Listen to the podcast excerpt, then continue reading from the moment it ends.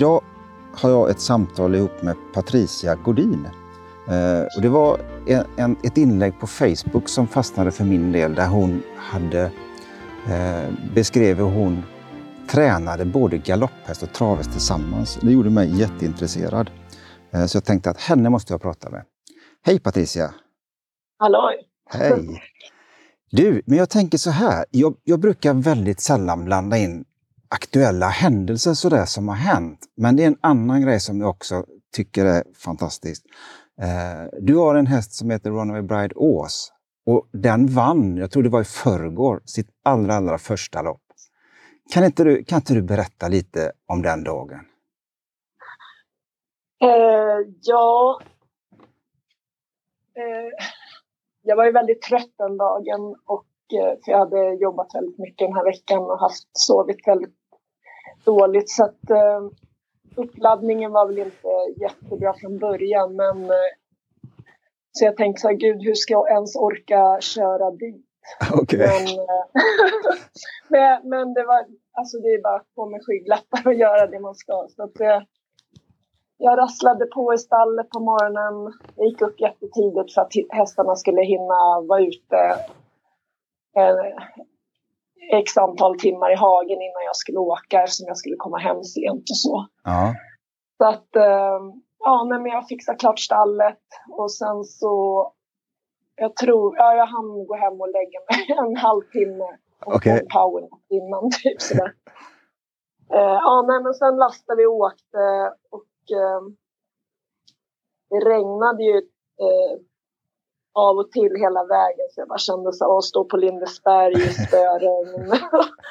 ja, nej men sen när vi kom dit så, så sken solen och det var jätteskönt väder och, och allting. Så att, eh, och jag hade, på något sätt hade jag en bra känsla ändå med hästen.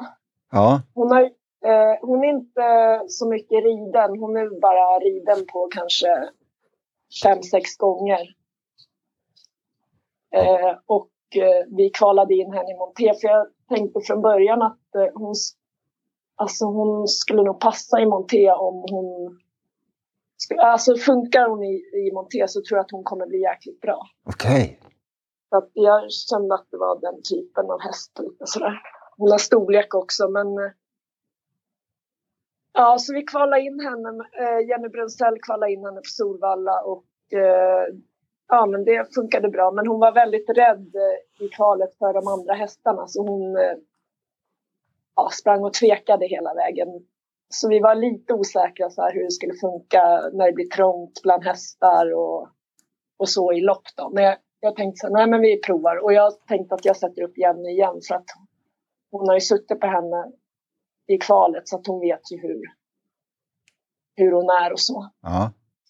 Så vi satte på stänknät och jordbländare och, och lite sådär bara för att hon skulle ja, in, ja, kunna koncentrera sig mer i, liksom, på det hon skulle göra då. Ja, och inte bli rädd för saker och ting. Eh, hon är rätt snabb ut egentligen bakom bilen men eh, vi sa det att vi det är nog inget bra. Hon är nog in, vi ska nog inte ligga i ledningen utan ligga mer lite på safe i början liksom och känna efter hur, ja, hur hon känns liksom. Låt, låta henne få chansen att växa in i det hela. Ja, men precis. Så att eh, så Jenny tog det lugnt från start, hamnade ju där bak då Ja. och, och låg ju bara med liksom. Så jag, ja, jag hade ju, samtidigt som jag hade förhoppningar men samtidigt så vet jag att alltså, det är första monterloppet, vad som helst kan hända liksom. ja. Man vet inte hur de funkar i första gången. Liksom. Bland, ja, när, det, när det blir så tajt, inga vagnar, de ligger väldigt tajt i loppet. Liksom. Ja, det, det, det jag har sett när man har följt montén, den biten, det är, att, det är att det är väldigt, väldigt sällan en häst vinner första loppet de går ut i. Ja, Det, ja den, kanske. Jag har inte tänkt på det så mycket. ja, men jag, jag har liksom följt den statistiken lite. Nu är det, jag är ingen statistiknörd i det läget, men eh, det, det jag har sett så ska jag nog våga säga att det är faktiskt väldigt sällan som de vinner första gången. De behöver ha något lopp på sig för att komma in i. Att, jag har ju en annan montéhäst som heter Sean Banan och han tog två raka direkt. Jag vet inte. Sen hade jag Simba Ås, han gick ut och han var målfotoslagen första lopp och var tvåa. Så jag vet inte. Nej, det är, jag kanske har helt fel, ja, men det, det, jag har studerat, eller ja, jag har inte granskat jättemycket, men en del har jag sett. Att det, men skitsak samma. Eh, ja, det var ju bara en passus som kanske gick helt fel. Då. Men, men eh, var, liksom känslan var bra. Ja, men alltså, alltså, samtidigt som jag hade en bra känsla så så vill jag ändå inte måla upp för höga förhoppningar när det är första loppet. Eller det är nog att jag intalar mig själv så att jag inte ska bli besviken. Nej, precis. Kanske, jag vet inte. Jag är nog så. Jag är ju tävlingsmänniska. Alltså, jag är ju en väldigt tävlingsmänniska. Så det är klart att, men samtidigt så var jag tvungen ja, för att jag själv inte ska bli besviken. Nej. Att tänka att ja, men alltså, det är första loppet, man kan inte ha för höga krav och du vet sådär lite. Nej, precis. Men, men sen helt plötsligt så ser jag hur hon bara liksom rocklar sig in mitt i fältet. Och, tänker, och då tänker jag så här, men gud, alltså nu är det ju jättetrång situation. Hur ska det här gå? Tänker jag. För jag hade mest tänkt att hon skulle ligga lite utvändigt så att hon ja. får, inte känner den här trånga situationen, eller känner sig trängd. Liksom. Nej. Men hon tråcklas in mitt i smeten och sen bara såg jag att hon var liksom som skjuten ur en kanon. Uff. Och bara stack liksom. Så jag bara...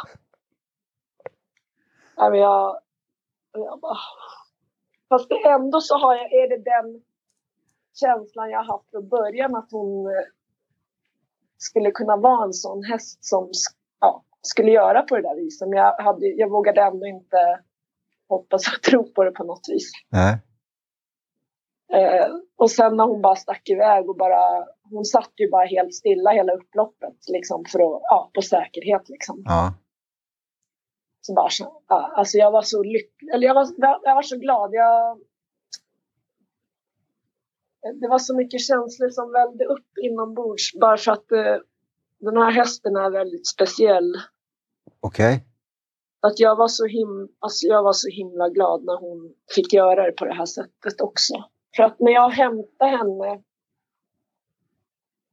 eh, jag fick ju henne strax innan jul uh och hämtade henne då hos en stortränare och eh, ägaren då hade ju ringt och sagt att eh, om jag kunde ta henne på leasing först. För att eh, de, har inte, de lyckas inte få ordning på henne. Nej. Eh, och då åkte jag dit och skulle hämta henne och jag fick nästan en chock när jag såg henne. Okej. Okay. Jag tänkte så här, my god, vad är det här? Eh, hon var jättetunn och hade inga muskler. Eh,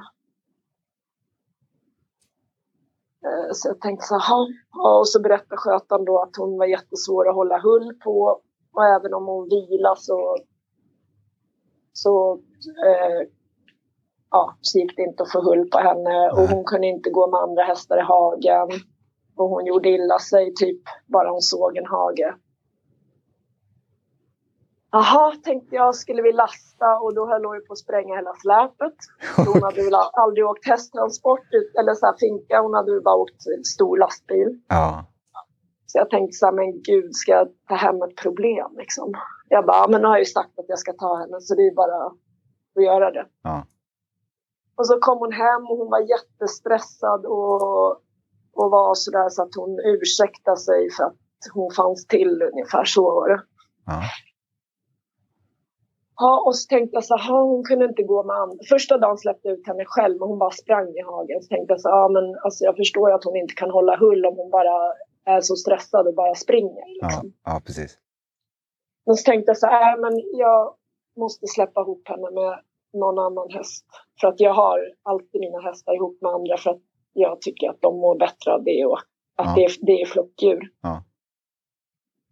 Så jag släppte ihop henne med min galopphäst, en märg som är jättetjurig.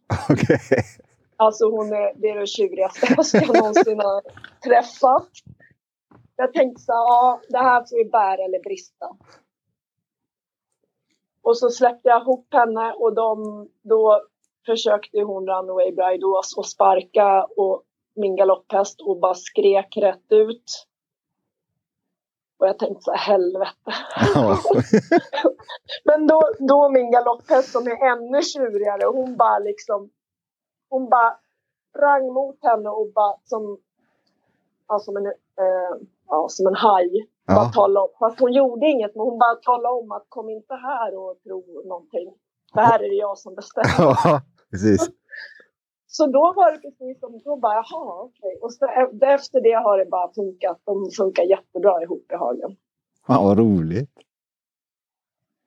Men, men det var verkligen så här, ja nu, jag vågade knappt titta när jag släppte ihop dem. det kunde blivit en kort visit hos dig där då. Ja. Nej men och sen eh, körde jag henne första gången och hon var jätte, alltså hon kunde inte skritta lugnt i vagnen. Hon taktade hela tiden och så fort man tog in alltså nästan reste hon sig och ja, hon var väldigt stressad. Ja.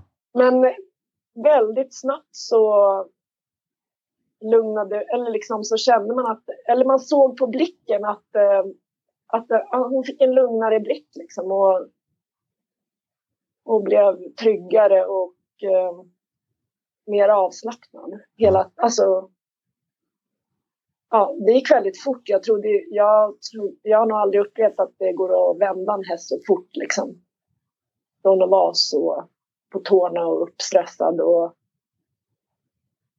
Men jag tror att Sen är det också så hon kom från ett storstall och alla hästar passar inte att stå i ett industristall eh, där allting eh, liksom är chip chop och folk har sina arbetstider och det ska vara klart liksom. Det blir ju mer stress. Ja, det, det, blir, det, det, som du säger, men, och det kanske var att hon kanske fick den här tryggheten utav din galopphäst? Ja, det också. Jag tror, ja. För att jag menar, hästdjur har ju språk, har ju sitt språk liksom. Oh ja. Och att hon var Ja, ja men precis. Att hon kände sig trygg med henne. Ja. Och sen inte den här stressen. De går ut uh, hela dagarna. Alltså de har, jag tar inte in i en speciell tid. Jag bor ju här på gården och liksom är det fint väder så är de ute länge. Är det dåligt väder, ja men då kanske de kommer in tidigare. Ja. Så att, uh, nej men så hon har liksom hon har, funn, hon har verkligen funnit, funnit sig i det här. Fantastiskt. Vad härligt. Och nu har hon liksom eh, kunnat tillgodogöra sig maten bättre och eh, börja bygga muskler successivt. Så att jag har verkligen eh, Alltså jag har verkligen trott på henne och sånt tror jag också att hästar kan känna. Ja. Alltså om de känner att, att man tror på dem och inte bara ja, jävla skithäst ut, in och Ja, men lite så. Nej, men det, jag, jag håller ju med dig i den biten just för att hästar kommunicerar på en annan nivå än där vi är. Och de, de, jag läste någonstans att, att deras hjärtkänsla är liksom 500 gånger större än vad vi är och att de kan känna flock på, på liksom jättelångt avstånd. Uh, så att uh, ja, men det, det, tror jag säkert just att den tron som du har spelar säkert roll på hur hon mår och hur hon agerar. Så att det... Ja, och jag, alltså hästar, alltså de kan verkligen läsa av känsloläge hos en människa. Det tror jag garanterat. Ja. Jag känner själv om jag är, mår, eh, om jag är lite deppig eller mår psykiskt dåligt eller är stressad då tycker jag att det smittar av sig, eller att de känner av det. Men är jag glad och positiv och, och så, då blir hästarna mycket gladare och de presterar bättre. Så jag försöker verkligen att tänka på det att eh, om jag har något irritationsmoment så försöker jag att göra mig av med det eller koppla bort det när jag ska vara i stallet för att, eh, det in, för att hästarna inte ska känna av det. Nej. Att, att, jag tror att de känner av saker mycket mer än vad vi, än vad vi människor tror. Ja. Nej, men jag, där håller jag med dig. Och just det här att, att, att, vara i nuet när man är med hästen. Det, och det, det, det var, om man tar nu den här tävlingsdagen då, den biten, så, så var det ju var det ju tur att hon inte valde din trötta sida som var där. Då. ja. Nej, men när man väl kom dit och det, det var ju fint väder så då liksom blir det att man genast blir piggare och sen blir man fokuserar ju på det ja. man ska göra när man kommer dit. Liksom. När kände du det här att här, här finns någonting i, eh, att, uh, att plocka på? Och när tänkte du att det här är montéhästen? Nej, men jag kände nästan det direkt när jag, kanske inte första körturen, men ganska snabbt så kände jag att eh, alltså den här hästen finns det kapacitet i. Det finns jordens steg i henne. Bara hon får, alltså när jag bara tänkte så här, men gud, tänk lite hull och muskler på den här så kommer det bli riktigt bra. Så kände jag tidigt. Fan vad roligt. Jag tycker att sånt kan man känna, man känna ganska bra när man kör en häst. Om det här är något att ha eller inte. Eller alltså om, det, om den kan bli bra eller inte. Ja. Jag har ju jobbat eh, extra hos Stig och Johansson i snitt halvtid i 20 års tid. Och jag, man har kört så mycket olika hästar. I och med att är man en skötare hos en tränare så har man ju bara sina passhästar och man kör dem. Ja, just det. Men jag tycker att eh, som extrajobbare så tycker jag att man... Eh, men alltså man, man får ju köra alla hästar. Ja. Så man lär sig mycket mer på det och känna tycker jag. Och lär sig att köra kanske eh, bättre för att man får köra så mycket olika hästar. Ja. Ja, du, får, du får anpassa dig själv efter den typen som du ska köra just i den stunden. Ja. För att alla är så olika. Ja. Och självklart så gick det då, det gick bra den här biten nu då? Hon vann. Ja, hon vann ju på ett helt fantastiskt sätt, tycker jag. Och det var inte bara att hon vann, utan hon vann verkligen eh, på ett helt otroligt sätt. Ja. ja, det är fantastiskt. Men om vi, om vi går tillbaka lite nu då och kikar. Liksom, vad, vad började alltihopa? Vad, vad, vad kommer Patricia ifrån och hur, hur hamnade du här egentligen? Om man tittar lite, hur växte du upp och vad, vad började med hästar? Och har det alltid varit hästar? Och... Ehm, jag är uppväxt i Märsta. Jag är ensam barn. Mina föräldrar har aldrig hållit på med hästar. De har varit totalt ointresserade hela tiden. Okej. Okay. Ehm, min mamma Alltså hon vågade inte ens gå in i ett stall fast hästarna stod i boxarna. Hon var livrädd. okay. Men eh, det började redan när jag var fyra år. Eh, det fanns en... Märsta var inte så utbyggt som det är nu.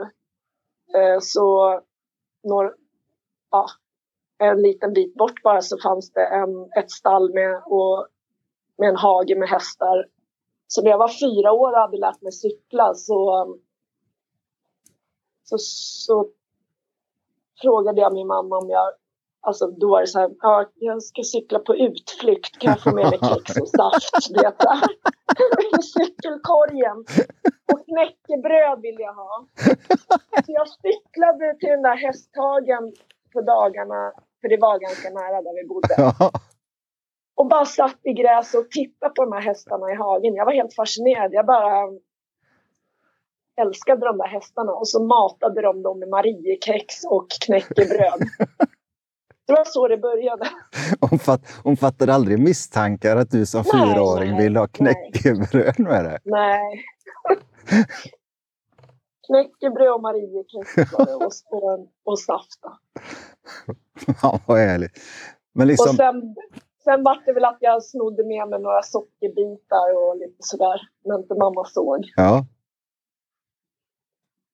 Men... Så det började så. Och sen sen så ja, sen märkte de väl eller förstod eller om jag berättade att jag cyklade dit. Eh, och eh, sen hade jag en kompis som red på ridskola då. Ja. Märsta ridskola. Och då frågade jag mamma om inte jag kunde få åka dit och rida någon dag på ridskolan. Och då var jag, jag var nog fem år då tror jag. Så då åkte jag dit och fick rida på ridskolan och det, alltså jag var så lycklig. Ja. Och, och sen, ja då fick, då fick jag väl börja rida på ridskola en dag i veckan och jag hängde ju i det där stallet jämt. Alltså jag cyklade ju dit, det var väl tre kilometer till stallet genom skogen och, och sådär. På den tiden kunde man ju cykla själv genom skogen. Det var, ja. var inte så mycket konstiga människor ute då som kunde göra saker. Nej, nej precis. Nej men så man hängde ju där i stall hela dagarna. Man var ju, man var ju glad att även om man inte fick rida så var man ju, alltså det var, det var kul att bara hänga i stallet. Ja. Man mockade och man hjälpte till med allt möjligt liksom. Borsta på hästarna och ja, hjälpte till att fodra och, och så. Det där, det där var jag, om, om man tar från, från min sida, så jag var ju ponnyfarsa i många år och har liksom aldrig egentligen hållit på med hästar förrän nu, bara de sista. Eh, och skjutsade ju en av mina döttrar till stallet så flera gånger i veckan och, och kunde faktiskt inte förstå vad hon skulle där och göra. Liksom, jag frågade henne flera gånger, liksom, vad gör du i stallet? Hur kan du vara där hela dagarna? Det är med hästarna. Det, ja. Men nu efteråt, nu när man själv är involverad, så fattar man ju varför. Och kan själv stå där liksom.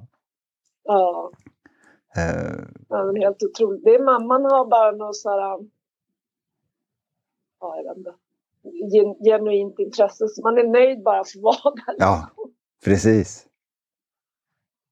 Men var, var det, du gick på ridskolan där, var du inne så du började tävla och sådana där saker också, eller hur? Ja, men sen red jag ju på ridskola en dag i veckan och eh, sen när vi var jag vet inte om hur gamla vi var, vi kanske var 12, 12 13 år. Då började man ju tävla, ja, eller ja, man kanske var lite yngre, när man började tävla på de här um, klubbtävlingarna i hoppning var det mest. Jag tyckte att hoppning var roligast ja. från början. Så då började man tävla i klubbtävlingar i hoppning och sen hade de eh, ponnykuppen. Då var det tävlingar mellan olika ridskolor i Stockholms län som man hade som ett lag. Det var en laghoppning då. Och då fick man åka till eh, de andra ridskolorna och, och eh, då red först den ridskolan på sina ponnysar.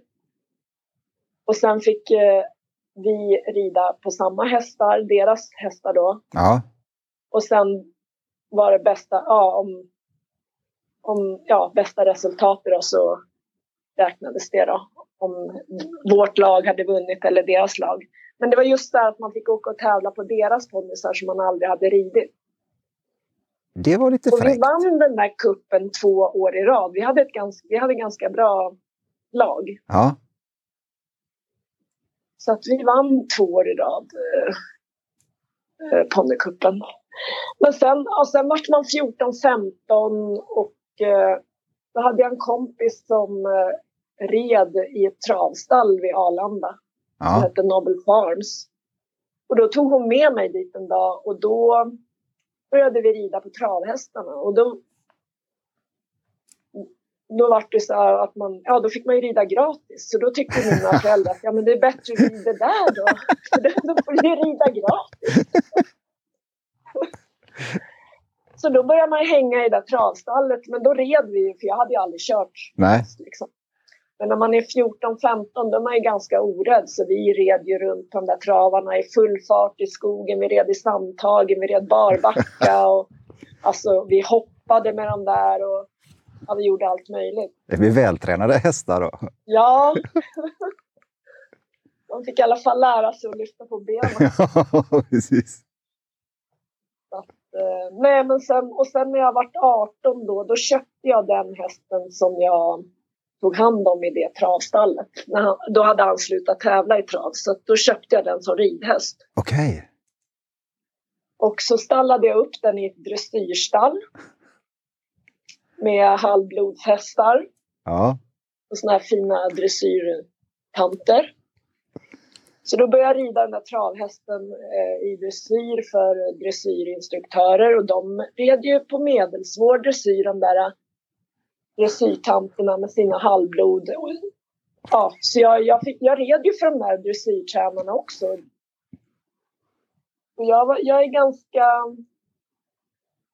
envis och målinriktad och enträgen. Så att jag, jag, alltså jag kämpade verkligen. Så jag började tävla i dressyr på den där travhästen. Mot halvblod? Mot de här dressyrtanterna. Och jag vann mot dem. Nej. Alltså jag vann inte hela tävlingen, men jag, jag vann mot dem. På deras dyra halvblod. Okej. Okay. Så då, då kom jag ihåg, det var en som sa, hon var skitsur efteråt. Okej. Okay. Ja, man kanske ska gå och köpa sig en travhäst istället. så jag vart liksom, alltså det är så här ridfolk eh, eh, tycker jag travhästar är, alltså de tycker att de är lite för, mer än vi travmänniskor. Ja, men, men då det... vart jag liksom som lite accepterad där, för att jag vann mot dem med den här travhästen. Så att det, ja, nej, men det var ganska kul faktiskt. Det finns ju, vad jag vet också, det här mycket kanske lite barriärer mellan de olika grejerna. Men jag, jag vill försöka bryta dem och jag tycker det här är ett fantastiskt sätt att visa liksom att, att man kan om man bara vill. Och det är liksom, det är hästar och vi har kul och vad fan, vi kan umgås tillsammans. Ja. Nej, liksom... men eh, det, ja, allt är möjligt liksom. Ja, ja det är ju så. Men du har ju inte alltid heller bara hållit på med hästar som hobby och i det läget, eller hur? Nej. Um, nej, jag har, alltså jag har idrottat hela tiden också, ända sedan jag var liten. Ja. Uh, jag har nog hållit på med det mesta. Jag har spelat handboll och fotboll och basket och jag har spelat hockey och jag har friidrottat lite. Eh, men fotbollen har ju varit det som har varit den röda tråden egentligen. Ja. Och jag började spela fotboll när jag var sju. Så att det har jag hållit på med liksom jämsides med hästarna he, eh, ja, hela tiden i stort sett. Och det... Alltså jag har haft så mycket nytta av ridningen i under min fotbollskarriär. Okay. Att, eh, när man rider, man får ju jäkligt bra balans och man får jäkligt bra styrka i bål och i, ja, i allting. Ja. Och benmuskler, ja men allt. Ja. Men särskilt balansen blir ju ja, grym. Ja. Så att jag hade ju väl, alltså jag, jag är ganska tunn, eller finlämmad eller vad man ska säga, eller var det ja. när jag var yngre. Och, men jag hade ett jäkla tillslag på bollen. Jag sköt uh, typ nästan hårdast i laget, i ungdomslaget och så. Okay. Och fick jag ofta slå frisparkar och hörner och straffar och så. Ja. Så att jag hade väldigt bra tillslag på bollen. Men det, det är mycket teknik, det är inte bara styrka och slå en fotboll, det är mycket teknik. Eh, och mycket balans och hela det där. Plus att jag hade jäkligt hårda tacklingar. ja, men där kom ju balansen in i alltihopa. Precis, så att jag var, jag, jag var grym på att tacklas faktiskt. jag har faktiskt en, jag spelade AIK sen eh, eh, senare och eh, jag har en inomhusturnering där jag vi spelade, jag spelade AIK och vi spelade mot, jag tror det var Hammarby då. För det var mot Pia Sundhage och jag tror att hon spelade i Hammarby just då. Ja. Och vi kom in i en närkamp och lilla jag, hon är ganska stor ja. bastant. Och lilla jag tacklade henne så hon bara for i golvet. Det var min Och du vet, hela läktaren bara reste sig upp och jublade. Okej. Okay. Och det, alltså den, den, det glömmer jag aldrig. Så att, nej, jag var grym på att tacklas. Men, och, och det, gick, det gick ganska bra i fotbollen också vad jag förstår det som? Ja, jo men det gjorde det. Eh, jag kan ju säga så här att jag har ju aldrig fått något serverat, varken inom hästsporten eller fotbollen. Jag har liksom fått tagit mig fram eller kämpa mig fram Mm. där jag är eller dit jag varit av egen kraft. Det var, ja, men jag spelade i flicklaget och jag var, där var jag väl eh, ja, typ bäst i laget kan man väl kanske säga. Mm. Eh, men sen, och sen gick jag upp i A-laget i Märsta, i Skummela hette det då, ganska tidigt. Och jag var väl ganska bra där också. Och så kände jag att vi spel, där spelade vi division 3 och något år i division 2. Och sen åkte vi ner i division 3 igen. Och då var jag 17 år och då kände jag så här, alltså, jag känner att jag kan, jag är bättre än det här. Ja. Men det finns ingen division 1 eller allsvensk, allsvensk tränare som skulle gå och kolla på division 3-lag. Nej. Så att jag måste ju liksom eh, kontakta någon klubb själv om jag ska vidare. Så jag och en kompis eh, ringde upp AIK, för vi var båda AIK-are. Och frågade om vi fick komma och provträna. Jag var 17 och hon var 16. Och eh, då, vi var välkomna dit så vi åkte till Karlberg. De tränade då där på sommaren Mm. i Slottsparken. Så vi åkte dit. Tog tåget dit och de tränade och vi vågade, vi var ju så blyga så vi vågade inte ens gå fram. Nej. Vi satt bakom en sten och kollade. Ingen vågade gå fram och säga att det är vi som ringde och frågade om vi kunde provträna. Ja, så vi åkte hem igen. Men då ringde ju lagledaren upp eh, mig samma kväll eller dagen efter. Han bara, "Eh, var det ni som satt bakom sten? vi bara, ja, vi vågade inte gå fram. Han bara, ja men nästa träning så kommer ni fram. Jag bara, okej. Vi åkte dit igen. Och då gick vi fram och provtränade och eh, ja, det gick jättebra för båda två. Så vi fick skriva kontrakt direkt. Fan vad roligt. Och vi var ju bara 16 och 17 så det var jättestort för oss. Ja, det kan jag förstå. Och en stor eloge till den här tränaren som är ledare som verkligen såg och, och, och tog den där och liksom inte bara släppte den bollen. Då. Nej, nej precis. Fan vad fräckt. Ja, jag har nästan glömt bort allt sånt där. Men det dyker upp nu när man börjar prata om det. Då spelade du en period med AIK. Ja, jag spelade fyra år, eller fyra säsonger. Eh, men eh, jag, hade, jag hade haft så lätt för mig i flicklaget och i A-laget i Skåne. Liksom. Jag behövde inte direkt kämpa för att liksom, ta en plats. Nej. Eller, liksom, man var ju alltid given liksom, om man tränade. Men i, sen när man kom upp i AIK, då var ju alla lika bra Ja. man fick ju verkligen kämpa. Eller liksom man, man var tvungen att visa framfötterna för att ta en plats. Liksom. Det vart ju... Jag var inte riktigt van vid det där kravet. Nej. Och hur, hur tacklade Eh, du det? Ja, men alltså det var jobbigt mentalt. Men eh, jag var ordinarie i... Eller vad ska man säga? Jag, jo, men jag var uttagen till varje match, vart jag.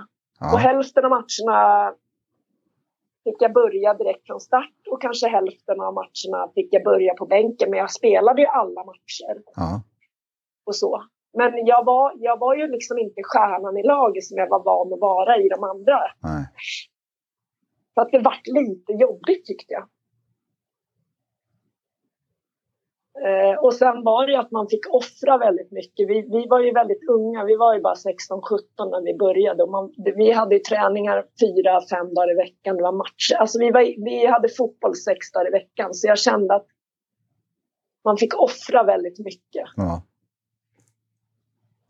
Eh, man kunde inte, alltså med kompisar, med släkt och familj och eh, ja, min ridning, eller alltså min, hästarna som jag också ville hålla på med. Liksom. Precis. Plus att jag gick i gymnasiet, jag gick fyra år i teknisk så att det var med, ja, och plugga liksom samtidigt. Så att det vart väldigt mäktigt. Det, var inget svårt att få tiden att gå där och då? Vad sa du? Nej, det var inget svårt att få tiden att gå. Nej, verkligen inte. Men eh, det var, det var väldigt roligt. Vi hade väldigt bra laganda och eh, det var väldigt lärorikt. Och jag har haft eh, ja, så himla mycket roligt med, med AIK. Ja, ja det kan jag tänka På så många sätt. Så att, ja, jag är verkligen glad att jag tog, att vi verkligen gjorde det här, tog chansen och fick chansen. Ja. Jag har lärt mig väldigt mycket. Och just med det här med mental träning. Att ibland flyter det bara på, livet leker, det är hur lätt som helst. Och sen ibland får man bara kämpa i uppförsbacke, uppförsbacke, uppförsbacke, uppförsbacke. Ja, och till slut så, så får man belöning liksom. Och då blir man ju ännu gladare när man får den här belöningen när man har kämpat så hårt. Och lite så är det med hästarna. Man, det här med travet, att eh, ibland går det inte bra. Alltså man kämpar och kämpar och då är det lätt att ge upp.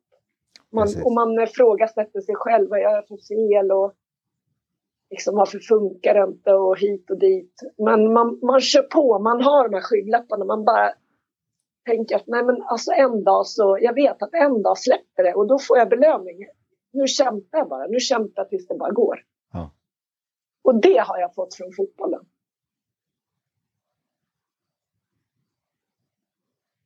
Ja, det, det är ju sällan det som när man håller på med hästar överhuvudtaget att det, det är ett självspelande piano precis. Nej, men det är ju inte det. För vissa är det kanske det ibland, men alltså det är ju ändå upp och nedgångar. Alltså för alla. Det är ju djur och man är inte på topp. Alltså varken vi människor är på topp hela tiden. Nej. Det går ju upp och ner och man kan bli skadad och man kan bli sjuk och allt möjligt. Men när, när karriären med fotbollen var över i det läget, tog du, tog du mer tag i den biten med hästarna då, eller hur? Och, och när, kom, när kom egentligen själva... Ja, du var på travgården där inne. När började du köra? Uh, ja, men efter, jag la av med fotbollen och träning överhuvudtaget. Jag var ju nästan träningsnarkoman och jag har ju tänkt länge så att alltså, jag kommer ju aldrig kunna sluta träna. Men jag la av med, alltså med all träning bara för det, det stod mig verkligen upp i halsen. Okay. Så jag bara la av. Och så träffade jag eh, en kille. Eh, och eh, men jag, jag, jag hade ju kvar den här hästen som jag hade köpt travhästen då, som jag ja. hade tagit hand om. För ja. Den hade jag ju kvar ja. hela tiden. Jag hade ju kvar honom. Eh, men så träffade jag den här killen och vi började bygga hus och eh, stall. Och, så, och då tänkte jag så här, nej men nu ska jag köpa en travhäst igen och börja med tra, eh, hoppa på travet igen. För där finns det ju ändå möjlighet att eh, vinna pengar, eller alltså att tjäna pengar. Det, ja. man, håller man på med ridhästar så kostar det bara pengar, men i travet så finns det ju ändå chans att tjäna ja. någon krona. Så då köpte vi Eh, då, jag hade varit borta från travet så att jag kände att jag ville komma in successivt så jag köpte en fölunge. Okej. Okay. Alltså, det, ja, jag vet inte hur jag tänkte egentligen. Så jag körde in den där. Jag hade väl aldrig kört in en travhäst liksom. Men ja, jag vet inte. Men vi körde in, jag körde in den där och började träna den och ja. Och jag tog faktiskt min första seger med henne också. Okej. Okay.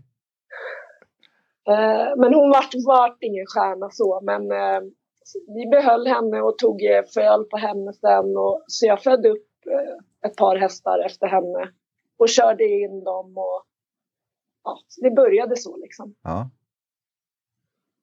Och sen då för att få ekonomi och gå ihop och allting så började, ja då ringde min kompis. Hon, hade, hon jobbade hos, hade börjat jobba hos Stig och Johansson. Eh, och jag hade ju aldrig jobbat i travstall så hon ringde mig och sa hon så här, ska inte du komma och jobba lite extra? Jag bara, jo det kan jag väl göra. Så mitt första travjobb det var i Stig och Johanssons stall och jag kunde liksom ingenting. Jag hade knappt kört fort. Kört fort liksom. Men du vet, jag är lite galen. Jag, jag låtsas som det regnar och bara tjena, tjena. Precis. bara håller masken. Försöka köra lite eh. copy-paste på alla andra som är där inne. Och... Ja, men min första, första dagen jag kom, då fick jag köra master. Okej. Okay. En häst som han hade då, som ja. var rätt bra. Ja. Ja, så, nej, men på så, den vägen började det. Så, nej, men då, jag, så det var där jag lärde mig typ allt, eller det jag kan. Ja. Eller utvecklades. Det var där. Men sen var jag inte rädd för att fråga. Alltså jag var inte rädd för att göra bort mig eller, liksom, eller visa att jag inte kunde. Utan jag frågade alltid så här. Istället för att göra saker och det blev fel så gick jag och frågade om... Ja, jag ställde dumma frågor. Bara för att det skulle bli rätt. Och, också för att jag var intresserad och ville, ville veta varför gör vi si eller varför gör vi så. Och, att, ja. Den vägen var det. Och, och sen, men sen så fortsätter du lite mer med, med egna hästar i det läget? Ja. Men när kom, när kom galopphästen in och varför? Eh, oj, det var, det var för tre år sedan. Ja. Så det var, det var ganska nyligen. Jag har väl alltid varit eh, fascinerad av galoppsporten också. Jag varit, följde med en kompis, hennes pappa, till Täby galopp och kolla på galopprace. Men, eh, och jag gillade ju att rida och så. Och jag tänkte ofta att jag skulle vilja rida där på banan, rida full galopp. Men jag vågade liksom, jag kände ingen inom galoppsporten och jag tyckte att eh, galoppfolket var, alltså jag tyckte att de var väldigt speciella. Okej. Okay. Alltså det, det kändes som att de var som en liten klan för sig själva och liksom, alltså det var att det är svårt att komma in ja innanför den muren. Så att jag tog aldrig det steget. Men sen så gick jag proffstränarkursen då för ett antal år sedan, eller ja, för fyra, fem år sedan. Och då gick ju jockey, jockey, de som skulle ta eh, galopptränarlicens gick ju samtidigt sista kursen. Så då lärde man ju känna några inom galoppen i på den kursen. Okej. Okay. Och det var då jag tänkte så här, nej fan jag kanske ska prova galopp nu också. Ja. Eh, för annars kommer jag, jag, jag vet inte, jag har hamnat i den åldern där jag känner att nej, jag vill prova på allt som jag har drömt om eller velat prova innan jag dör. För att, så att jag inte ligger där på dödsbädden och ångrar mig att jag inte har provat på det här. Ja, precis. Alltså jag hoppar fallskärm och jag har um, lite sådär. Bara för att jag vill ha gjort de här sakerna innan, innan det är för sent. Ja. Eh, nej men, och då gick Julian McLaren som är galopptränare på Bro Park, han gick kursen samtidigt. Så jag ringde upp honom och frågade om inte jag kunde få gå praktik hos honom och liksom få komma in lite i galoppsporten och se hur det fungerar. Ja. Så jag var där en gång i veckan under en tid och eh, kollade hur de jobbade och hur de försökte förstå hur man skulle träna en galopphäst. För att det är ju egentligen inte direkt några travmänniskor. Det finns travfolk som har, travtränare som har försökt prova sig på galopp och träna galopphästar men det är ingen som har liksom riktigt lyckats. Man tänker så här, eller man har ju sett eller hört att galopphästar de tränar ju inte knappt. Så bara vi tränar dem lite så kommer det gå hur bra som helst. Ja. Och så har travtränarna tränat de galopphästarna lika mycket som vi tränar travhästarna. Men det funkar inte. Eh, så att jag, när jag har varit hos Julia McLaren och så har jag frågat, men eh, alltså det är svårt att förklara också för en galopptränare hur man tränar och vad rider man för tempo och hur Alltså hur mycket och det är så för dem är det ju så självklart hur de gör. Det är samma för oss med trav. Alltså det är jättesvårt att tala om hur vi tränar en travhäst. Alltså vi kan säga så här, vi kör så, så många intervaller och vi kör så, men har den startat så kanske man inte kör så hårt. Och mycket är ju på känsla, man känner hur hästen känns. Så kör man lite efter det. Och det är svårt att förklara. Alltså, Alltså jag, jag har absolut, jag blir förvånad när du säger att galopphästarna inte tränar så mycket. För det trodde ju jag, att de nästan tränade ännu mer liksom, men de gör inte det. Nej. Alltså eh, galopp är ju en helt annan gångart. Och, eh, galopphästar, de springer lite mer på sitt flyktbeteende än vad en travhäst gör. Okej. Eh, så att en galopphäst måste du hålla så explosiv.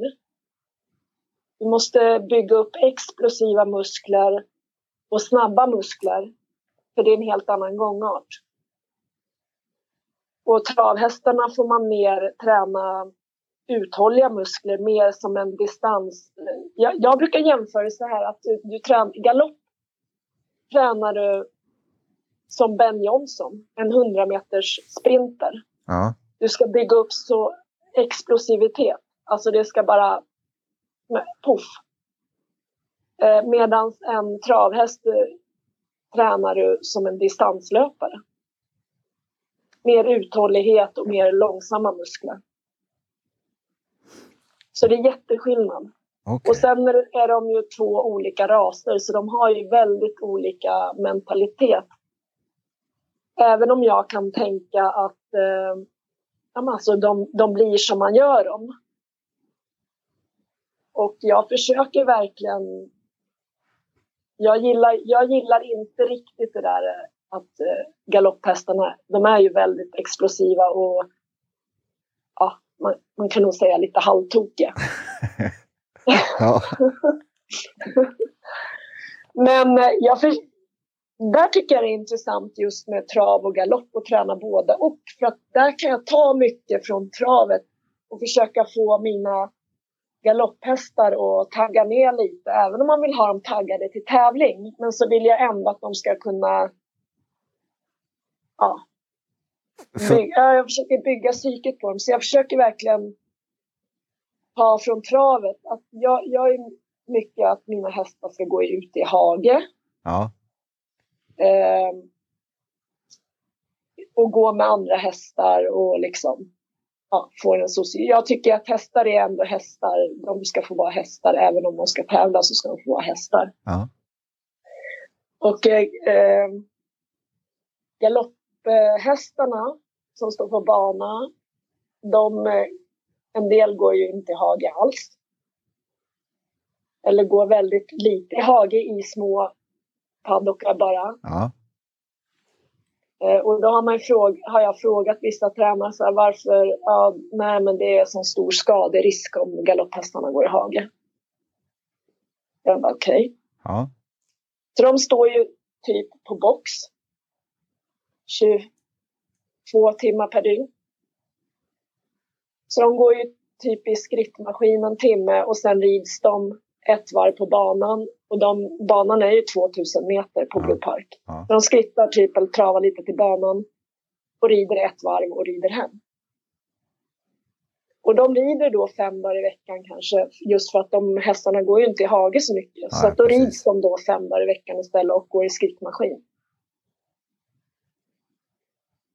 Eh, men jag har ett litet annat upplägg på mina galopphästar. De går i hage hela dagarna precis som mina travhästar. Så jag rider inte så mycket på mina. Nej. För att de rör sig så mycket i hagen. Så att då får de det, den motionen som galopphästarna på Bro Park eh, ja, går i skrittmaskinen en timme och rids ett varv på banan. Hur- upplever du hästen då, om man säger, kontra den traditionella sättet? Känner du någon skillnad i hur de är? Och, eh, har du kommit in med tävling så du kan se hur de agerar i tävlingsmoment och sånt? Ja, alltså min, nu, min Mary då som är fyra, hon förra året då så hon, hon var ju på pallen varenda start hela sommaren. Hon var det? Och jag red aldrig henne emellan. Hon start, startade bara och gick i hagen. Och var det för långt emellan tävlingarna så kunde jag åka in till Bro Park och hon fick gå ett jobb. på banan. Ja. Emellan. Eh, I full fart då. Men annars så går hon går bara i hagen och startar. Och nu i januari så gick hon ut och vann med 30 meter. 30-40 meter. Ja, du, du sätter ju en ny standard jag för känner, galoppen nu vet, nu, vad sa du? Ja, du sätter ju en ny standard för galoppen nu då. Nu, nu ska jag inte säga att det här Nej. funkar på alla galopphästar att göra så, men på henne funkar det väldigt Ja. bra i alla fall. Eh, ja. Och sen har jag en unghäst, nu har en treårshingst som är ostartad. eh, så att eh, han vet jag inte riktigt. Nej. Men Jag hoppas att min filosofi ska funka på honom också, för då, då känner jag att eh, då har jag förstått det lite. Ja. Så det inte blir en sån där one- one hit wonder utan att det funkar. Då. Ja. Nej men. Eh,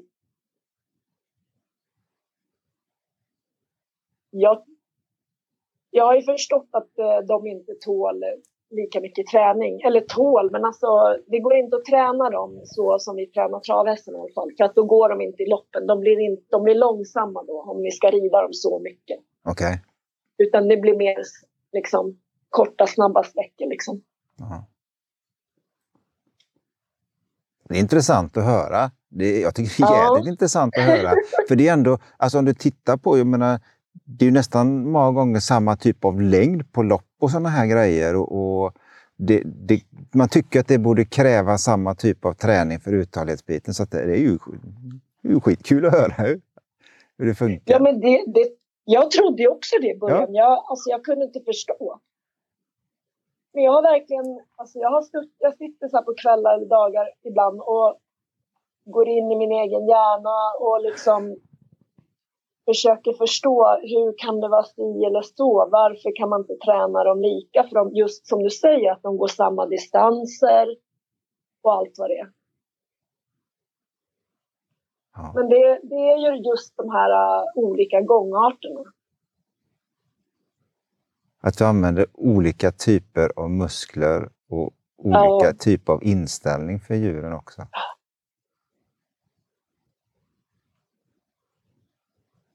Men grundprincipen som du använder egentligen, den är att tro på dem. Ja. Man måste ju tro på det, det tankesättet man har eller det man gör Ja, och inte vackla emellan och hålla på och ändra hit och dit eh, under tid. Man måste... Nej, men det tror jag är viktigt. Att man liksom tror på det man gör och man eh, kör på det. Och sen är det klart att man kanske får finjustera lite och förbättra. Eller när man inser eller märker att ah, men det här funkar lite bättre. Men man måste ändå från början på något sätt ha någon filosofi eller något tankesätt som man själv tror på. Och Ja. sen köra efter det. En, en helt galen och vild tanke som jag fick här nu. Eh, det var att din, galopphäst gick ut i, i januari och vann med 30 meter, vilket var då egentligen bara ett par månader efter det som hon blev flockledare för eh, Runaway Bride Ås. Ja, Kan det, faktiskt. tror att det, Det kan någon- också påverka. Ja, Det det, tror jag mycket väl kan påverka. Jag tror att sånt där eh, kan påverka. Jag är väldigt noga med vilka hästar jag sätter bredvid varandra i, i boxarna i stallet också. Ja. Jag, jag är väldigt noga med att läsa av hur hästarna trivs både i stall och hage. ja. För att jag tror att det är, väldigt viktigt faktiskt. Det, det är social hälsa och ohälsa. Och det tror jag är jätteviktigt. För att det, det har jag också märkt när jag har jobbat i storstall. Att du kan ha ett par hingstar som står eh, i samma stall och de kan verkligen psyka varandra. Okej. Jag, jag tror att det är jätteviktigt att eh, hästarna trivs med varandra Eh, både i hage och i stallet och i boxen bredvid. Just för att äta bra ja, men för allting. Ja.